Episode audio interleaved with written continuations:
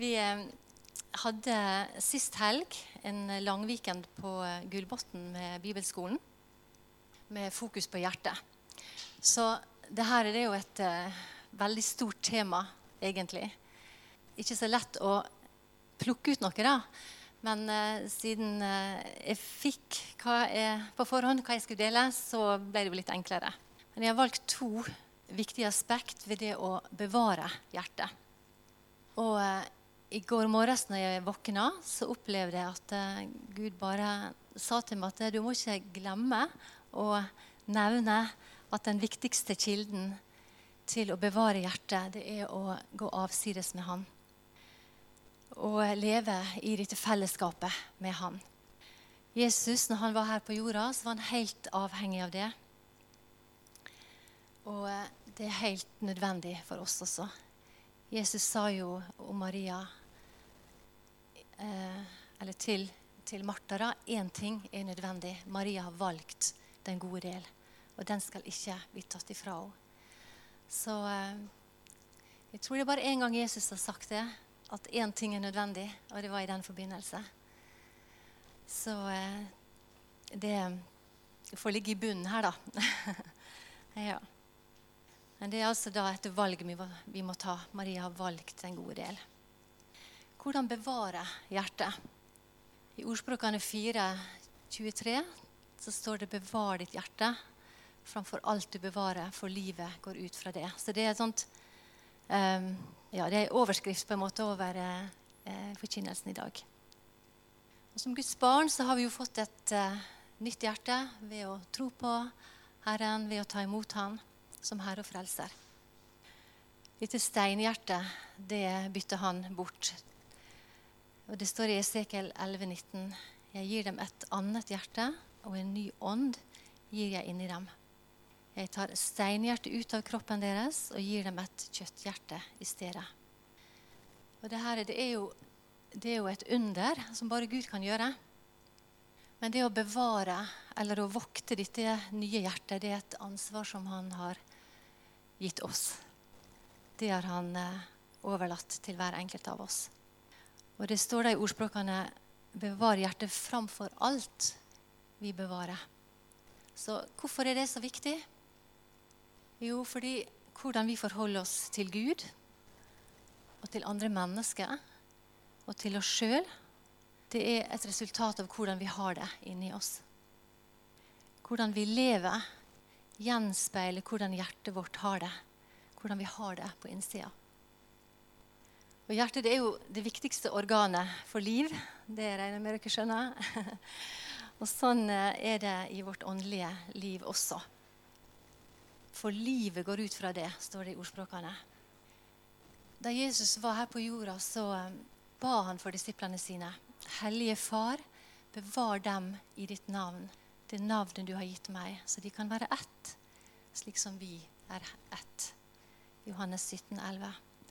Så det å bli bevart, å bevare hjertet, det har også betydning for enheten mellom oss kristne.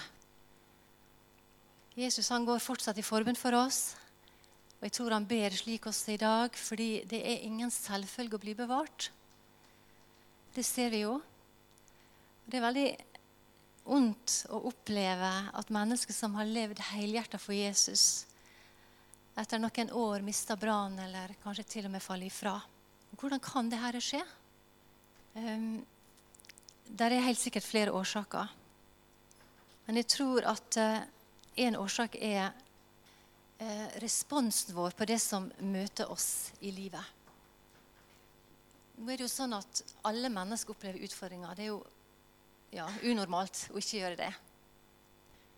Og nå er det forskjell på de problemene vi, over, vi påfører oss sjøl pga. gale valg vi gjør, og de utfordringene som selve livet gir oss.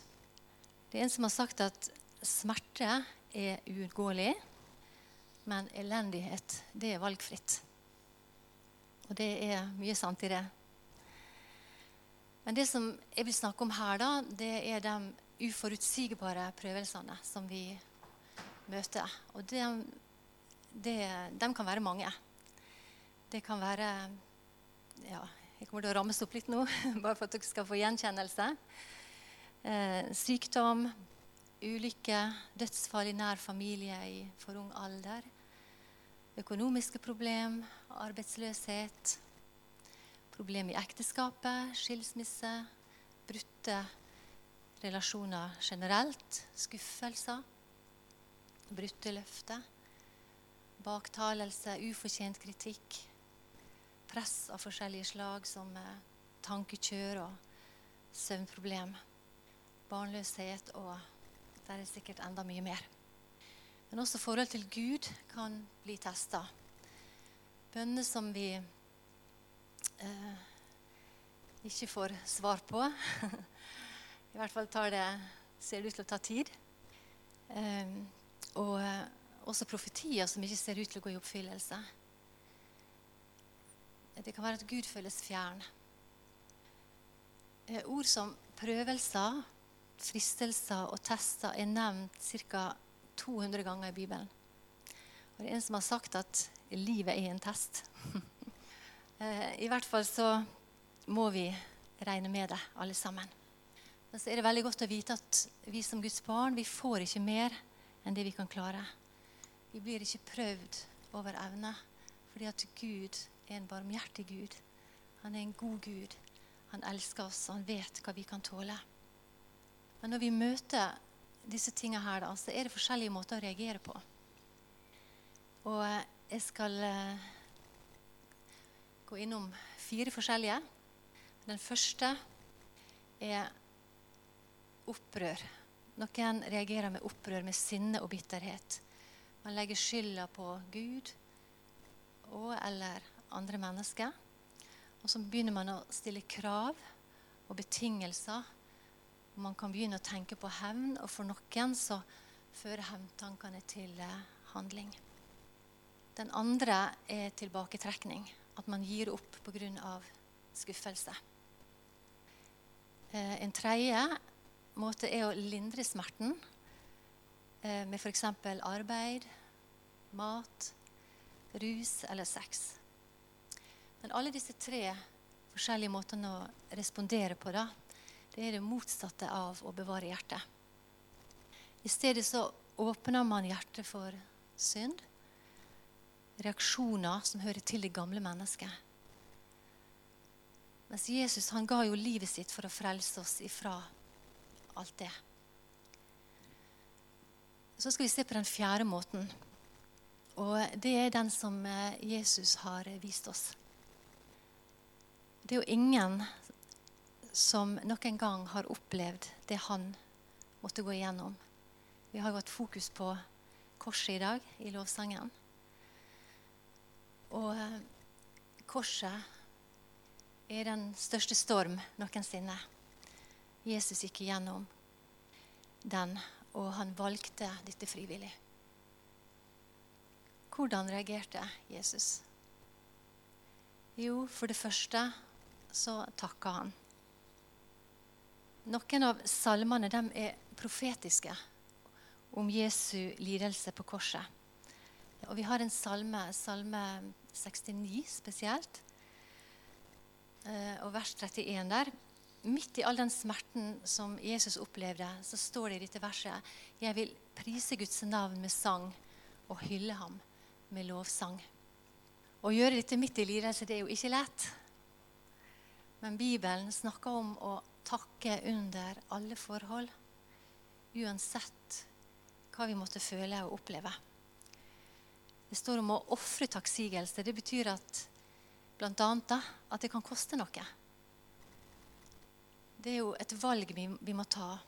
Fordi at For det første så behager det Gud, og så hjelper det oss å løfte blikket vekk fra oss sjøl og på Han, da, som er Eh, hjelperen vår. Han kan hjelpe oss. For det andre så utøste Jesus hjertet sitt for far. Og vi kan se i den samme salmen at eh, eh, Jesus i detaljer deler hjertet sitt med far. Og eh, den samme rettigheten har vi fått. Vi er Jesus' søsken, vi er Guds barn. Og eh, han tåler følelsene våre og tankene våre. Han blir ikke skremt. Han eh, blir ikke sint, han blir ikke overraska. Han eh, husker på at vi er støv, som det står. Eh, så vi er oppfordra til å komme til Han med alt vi bærer på. I Salme 62, 62,9 så står det 'Øs ut deres hjerte for ham'. Det er nærmest en befaling. Gud er vår tilflukt. Og hvis vi går til Han først med alt vi har behov for å dele, så tror jeg at behovet for å dele det med andre blir mindre. Nettopp fordi at han vil komme til oss og gi oss hjelp. Det tredje er at han trodde. Så selv om Jesus var i det dypeste mørket på korset, så uttrykte han tro ved å si Men jeg ber til deg, Herre, i nådens tid, til deg, Gud, i din store miskunn. Det er vers 14 da i Salme 69. Jesus sa jo også, som dere vet, at uh, 'Min Gud, min Gud, hvorfor har du forlatt meg?' Så Jesus han stilte det spørsmålet som vi ofte gjør. Hvorfor? Hvorfor skjer det her? Hvorfor hender dette med? Og så videre. Vi kommer ikke til å få svar på alle spørsmålene våre. Det er urealistisk å tro at vi kan eller skal forstå alt. Vi må faktisk oppgi rettigheten til å forstå. Ei eh, god kristen dame, hun er død nå, eh, mor Basilea Slink, hun skrev ned en del sannheter eh, fra Guds ord. Det ble trykt på sånne fine eh, kort. Og eh, et av dem sier 'Min far, jeg forstår deg ikke, men jeg stoler på deg'. Og jeg kan huske En periode i livet mitt så var dette til veldig hjelp for meg å kunne si det. Og I Lukas 22, 31-32 så sier Jesus til Peter, Simon, Simon, Satan har krevd å få sikte dere som vet det, men jeg ba for deg at din tro ikke måtte svikte. Et litt underlig vers, egentlig. Um, men er det noe djevelen virkelig vil prøve å ta ifra oss, er det troa vår. For det er ved tro at vi blir frelst, og det er ved tro vi lever som kristne. Uh, indirekte så sier vel eh, Jesus til Peter her at når det gjelder dette, Peter, så er det bare bønn som hjelper. For dette her er en åndskamp. Jeg ba for det, at troa di ikke måtte svikte.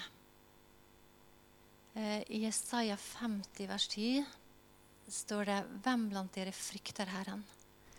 Hvem lyder Hans tjeners røst? Når han vandrer i mørket og det ikke er noe lys, da skal han stole på Herrens navn og sette sin lit til sin Gud. Så når vi ikke kan se noe lys, når alt er mørkt, så kan vi velge å stole på Han, velge å tro på Han. Og Jesus sa jo 'salig er de som ikke ser, men som likevel tror'. Og så vil vi få se etter hvert. mm. Jesus han tilga. Det vet vi. Far tilgir dem, for de vet ikke hva de gjør. Han viste til og med forståelse, for de vet ikke hva de gjør.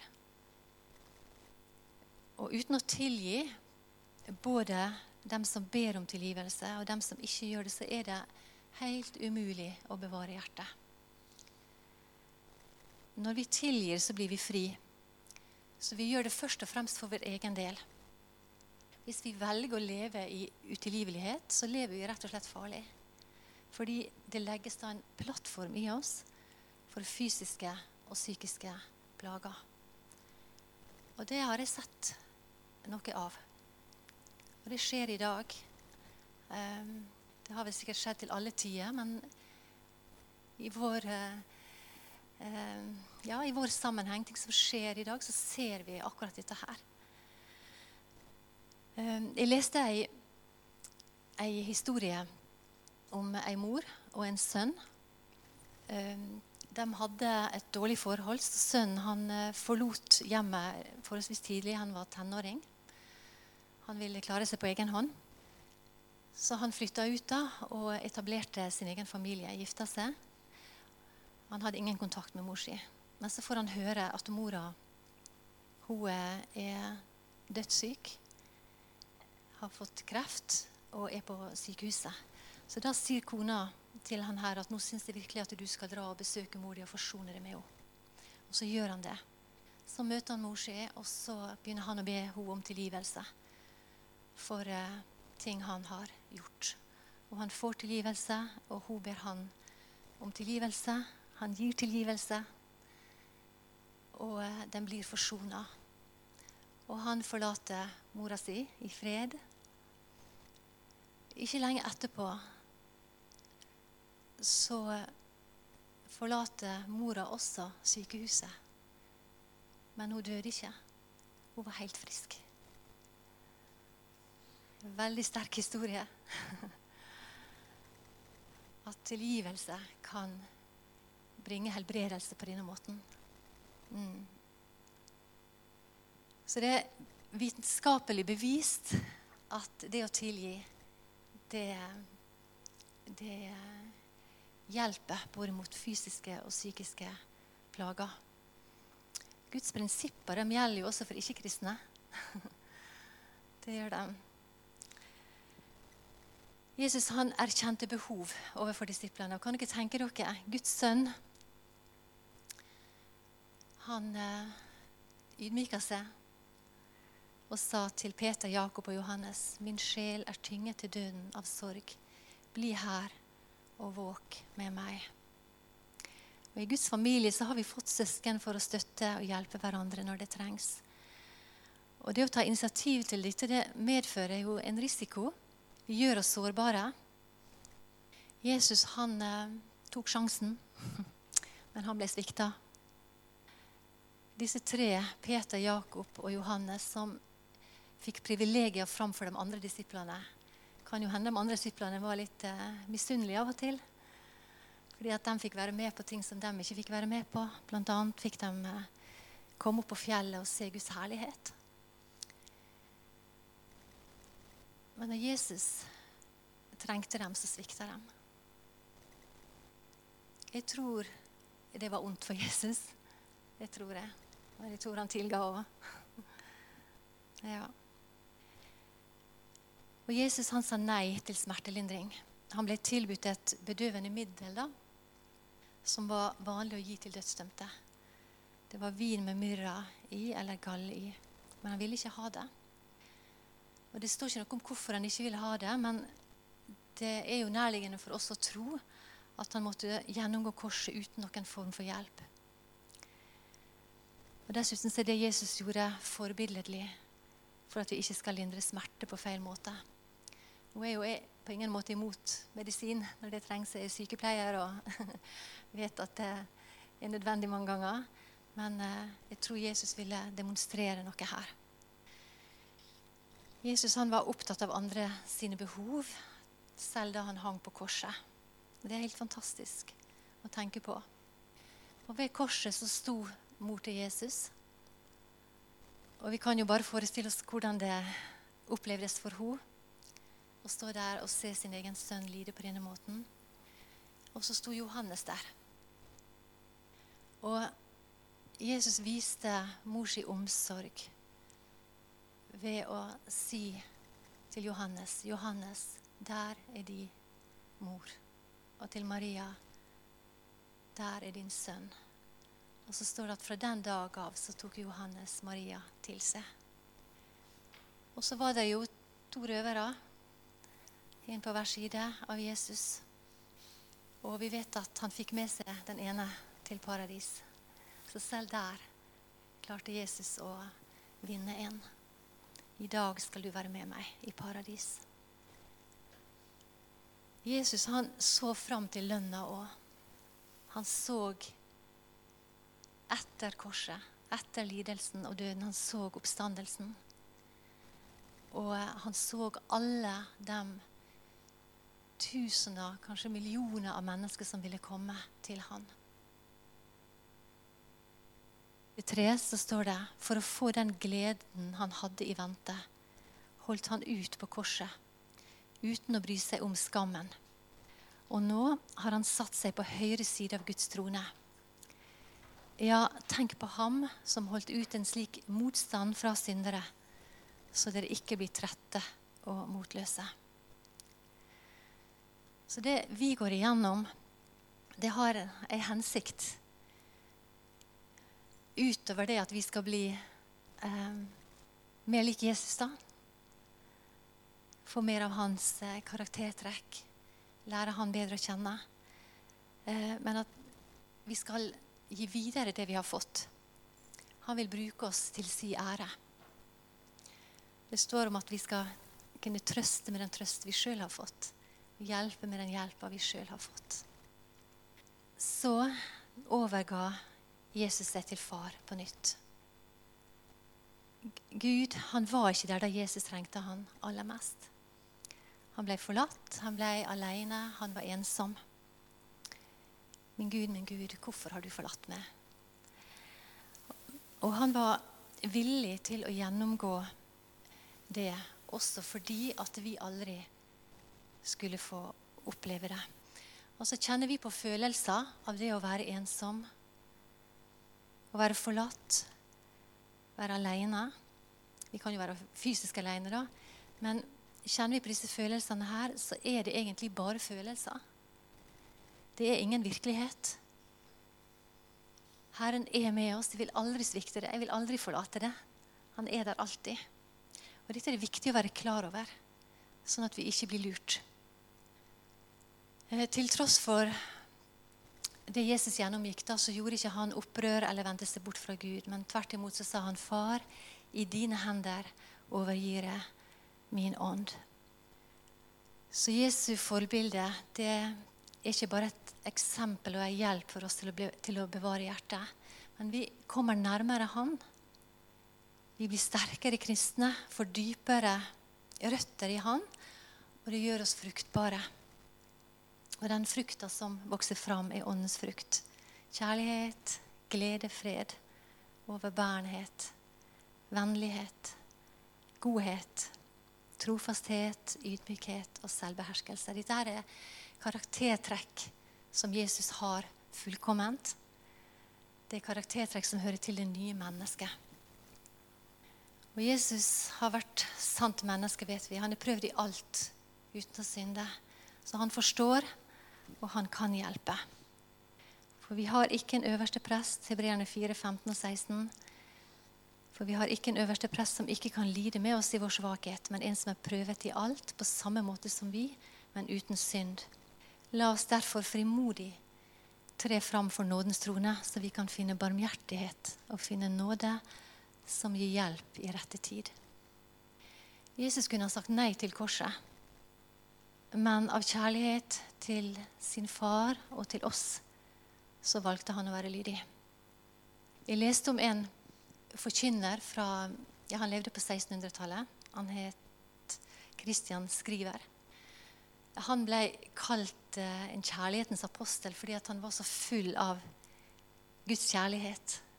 Og det eh, møtte folk sånn. Han fikk være til hjelp for så mange mennesker. Men han opplevde å bli enkemann tre ganger. Han opplevde å miste ni barn i en uh, epidemi. Og han eh, gikk til Gud og sa hva er, det, hva er det som skjer? Hva er det du holder på med? Det svaret han fikk, det kan være vanskelig å forstå. Men Herren sa det jeg holder på med, er å elske. Um,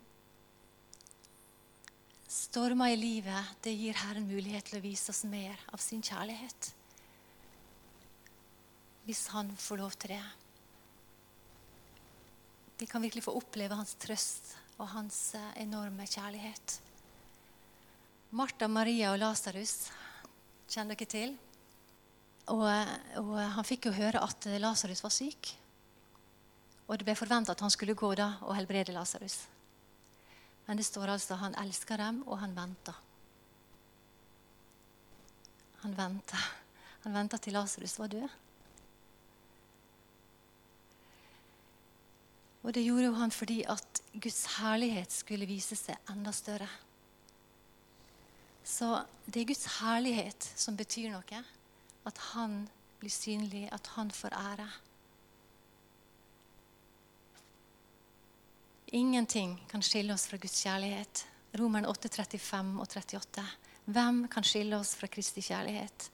Nød, angst, forfølgelse, sult, nakenhet, fare eller sverd.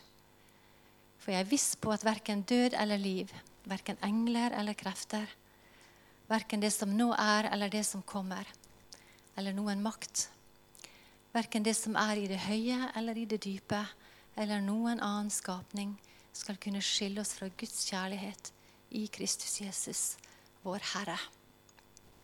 Jeg har lyst til å fortelle om en storm i livet mitt. Det har jo vært noen. Noen små, og noen litt større, og noen store. Dette var en litt større. Um, Bård og jeg har jo vært gift nå til sommeren i 40 år. Det må vi prøve å få feira. um, og vi ønska oss barn fra vi gifta oss. Men eh, um, det viste seg ikke å være så enkelt. Så når det hadde gått noen år, så begynte vi med utredning. Og eh, det viste seg at defekten var hos meg. En uh, hormonell forstyrrelse. Så jeg begynte med behandling. Men eh, behandlinga bare prella av på kroppen min. Det var ingen, uh, ingen respons. Og jeg hadde flere kurer, men uh, det var ingen effekt. Det er klart at denne perioden ble jo nokså vanskelig, da, fordi det ble jo så viktig for meg det å få barn. Jeg ble så fokusert på det. Det er jo naturlig at eh, når en er gift og, og uh, ikke har barn, at en ønsker seg det. Um, så jeg, jeg, var nok deprimert til tider. Men jeg kan huske at jeg pressa fram og takke Gud. Selv om det var, var vanskelig. Men det hjalp jo litt da å eh, fokusere på, på Jesus. Men eh, det forandra jo egentlig ikke situasjonen for meg. Jeg ba mye, jeg gråt en del. Det var ikke så lett for eh, Bård heller, det her. Så når det hadde gått en fire år Vi bodde i Nord-Norge på den tida. Så ja, og vi var med i et fellesskap der, Borgenfellesskapet, som eh, dere kanskje vet om. noen. Eh, en del av Ungdom i oppdrag i dag. Det var ikke det den gangen. Og vi spurte om de kunne eh, være med og be for oss, og det ville de jo. Men de sa at vi vil ikke be om at dere skal få barn, men vi vil be om at Gud skal få sin løsning. Var ikke helt fornøyd med det svaret. Men, eh, men, jeg skjønte at jeg måtte oppgi rettigheten til å få barn. Um, og uh, vi hadde jo vært litt med i Ungdom i oppdrag, så dette med å oppgi rettigheter, det, det, hadde jeg hørt før. så um, jeg visste at jeg, jeg, måtte gjøre det, så jeg gjorde jo det, da. Um, og de ba jo for oss, og tida gikk. Um, og eh, så tok vi rett og slett og tok kontakt med eh, en i kommunen for å undersøke mulighetene for å adoptere. Og eh, det kom da en mann hjem til oss. Men vi skjønte jo etter hvert han ble jo stillere og stillere. fordi at i den tida så hadde vi altså 1000 kroner i husleie. Det var jo lite, sant? men det er en del år siden. 1000 kroner i husleie i måneden, og så hadde vi 1000 kroner i gaveinntekter. Så økonomien den var ikke der for at vi kunne bli eh, godkjent som adoptivforeldre. Det, det ble ikke sagt med ord, men vi skjønte. så vi hørte ingenting mer fra denne eh, mannen. Um, så var det den dagen jeg kom inn på soverommet en morgen og skulle rydde litt. Og så kjente jeg bare at Herren talte til meg, og så sa han, 'Kirsti, er du villig til å Ja, unnskyld meg. Jeg blir litt rørt sjøl. Han sa, 'Er du villig til å elske meg, til å følge med, til å tjene meg, selv om du ikke får det du har aller mest lyst på?' Og jeg bøyde mine knær, og tårene rant, og sa, 'Ja, Jesus, du vet jo det. Jeg elsker det. Jeg vil følge det, jeg vil tjene det uansett. Du er på førsteplassen i livet mitt.' Det jeg ikke visste om da, var at jeg var gravid. Og så fikk vi tre barn på tre år. Så jeg gikk sammenhengende gravid eller amma i fire og et halvt år. Så jeg, jeg sa herre Det ble veldig mye velsignelser her. Vi er jo seks eh, søstre. Um, og jeg har fått de største barna. Så det sier litt om Guds velsignelse.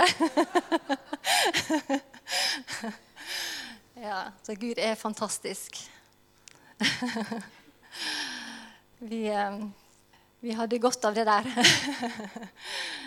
Å bli strukket. Mm.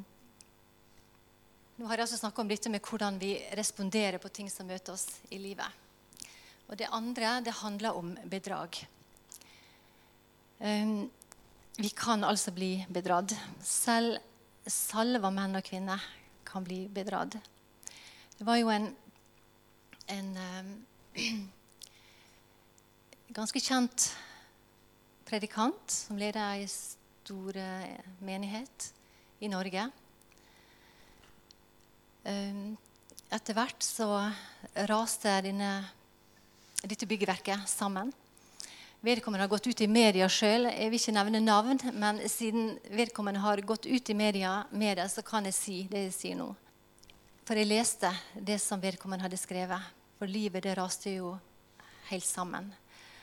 Og så sier han eh, noe lignende her. Jeg tror ikke det er helt ordrett, men innholdet er slik. Jeg måtte behandle meg sjøl, medisinere meg sjøl med alkohol. Jeg måtte. Nei, det måtte han ikke. Det var et bedrag. Å bli bedratt, det er å bli lurt. Og Bedraget består i at fienden forsøker å få oss til å tro at det vi tenker og føler, kommer fra oss sjøl. Ja, kanskje til og med fra Gud. Mens det egentlig kommer ifra Han.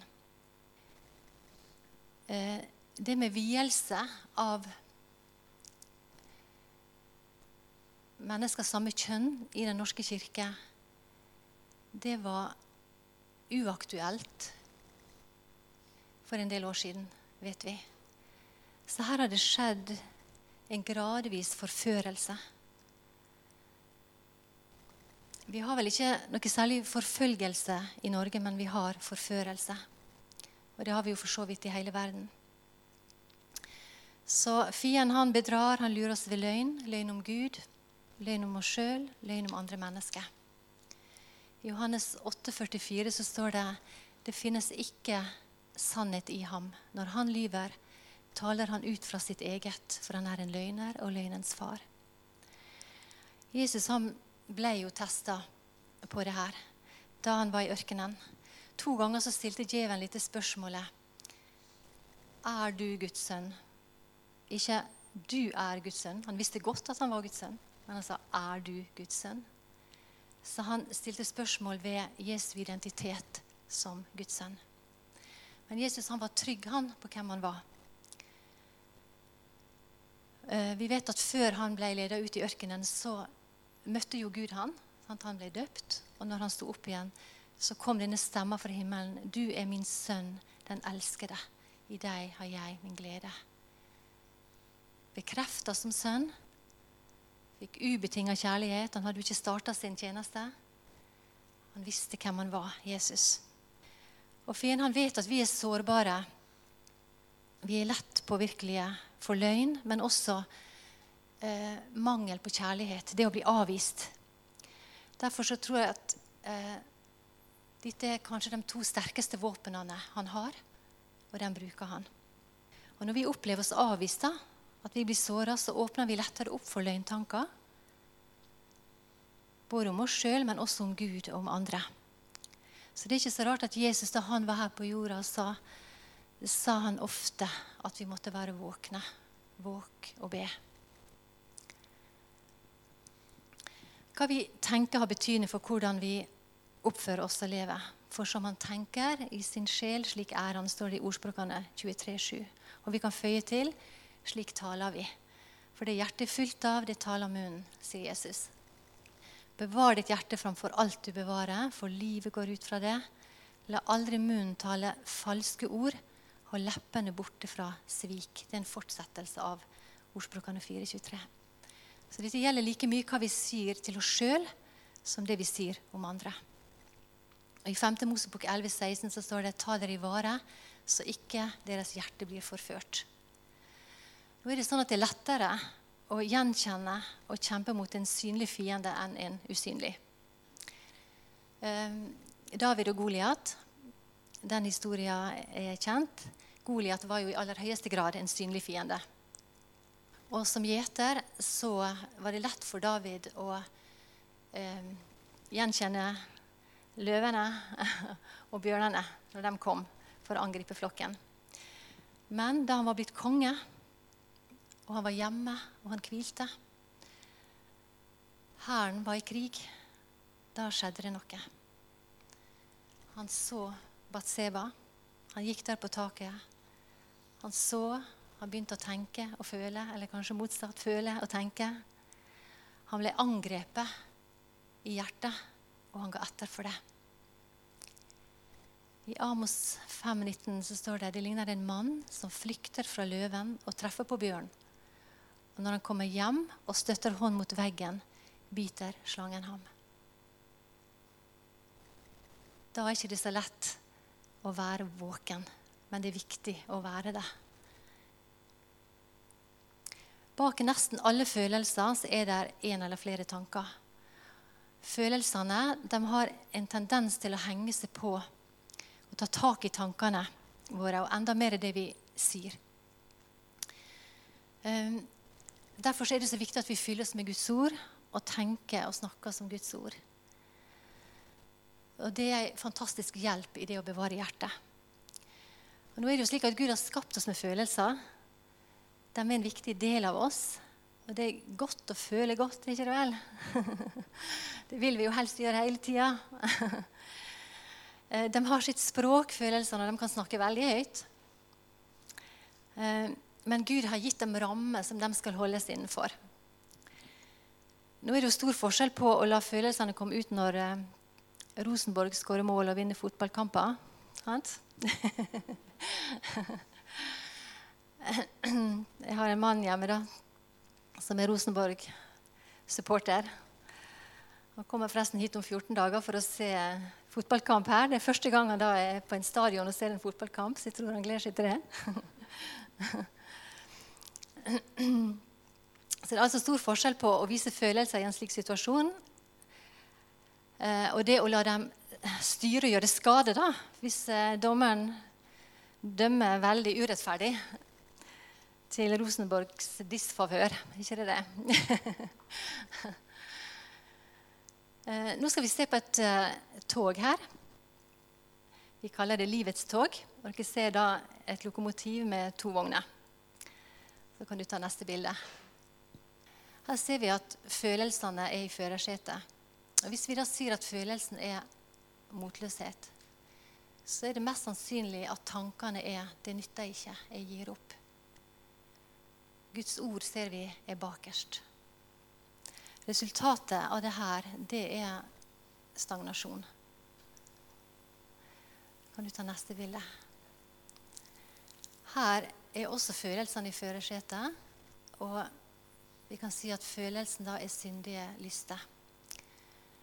Og tankene bak er da at det er ikke så farlig å synde. At Gud er nådig Det kan jo sikkert være andre tanker òg. Men Guds ord er bakerst her også. Og Resultatet av dette her er jo at uh, man kan spore helt av.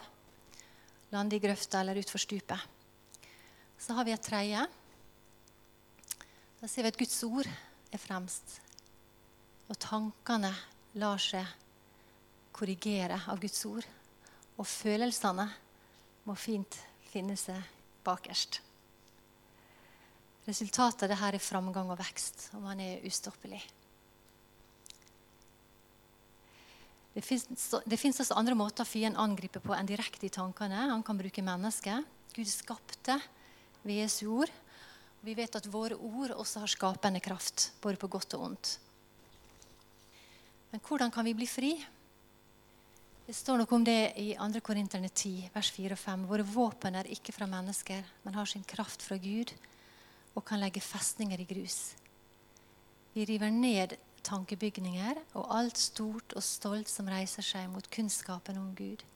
Vi tar hver tanke til fange under lydigheten mot Kristus. Hvordan legger vi festningene i grus? Hvordan river vi ned tankebygningene? Hvordan tar vi tankene til fange? Jo, I Johannes 8, 31-32 så står det Jesus sa da til de jødene som var kommet til tro på ham.: Hvis dere blir i mitt ord, er dere virkelig mine disipler. Da skal dere kjenne sannheten, og sannheten skal sette dere fri. Sannhet er det motsatte av løgn. Sannheten fordriver, avslører og fordriver løgn, slik lyset fordriver mørket. Guds ord er sannheten, og sannheten er en person Jesus Kristus. Og vi trenger å møte Jesus og høre hva han har å si. Og Når vi søker han av hele hjertet, så vil han åpenbare seg for oss på den måten som han ser vi trenger det. Og han vil tale til oss, først og fremst gjennom sitt ord. Det står 'kjenne sannheten'. Det er det samme som å være intim med sannheten. Dette ordet 'kjenne' det er et ord på hebraisk som heter yada, eh, ginosko på gresk, og det betyr å være intime. Og det står at Adam yada Eva. Altså Adam kjente Eva, og hun ble gravid. Så eh, sånn er det òg. Når vi holder oss nær til Han, så vil vi bli åndelig fruktbare. Han vil ikke bare sette oss fri, men gjøre oss fruktbare. Den som blir i meg, og jeg har bare mye frukt. For uten meg kan dere ingenting gjøre. Johannes 15, 5. Det gjelder både åndens frukt, åndens gave og de talentene han har gitt oss. Nå er Det sånn at det kan ta tid før sannheten i tankene, i hodet, kommer ned i hjertet. Det kan ta tid før følelsene er med, men det vil skje. Og jeg snakker ut ifra egen erfaring. Vi trenger å gjenta sannheten så ofte og så lenge som nødvendig. Jesus er sannheten og den fullkomne kjærligheten, og det vil han stadig formidle til oss. Vær ikke bekymret for noe, men la i alle ting deres begjæringer komme fram for Gud i påkallelse og bønn med takk. Og Guds fred, som overgår all forstand, skal bevare deres hjerter og deres tanker i Kristus Jesus. Amen.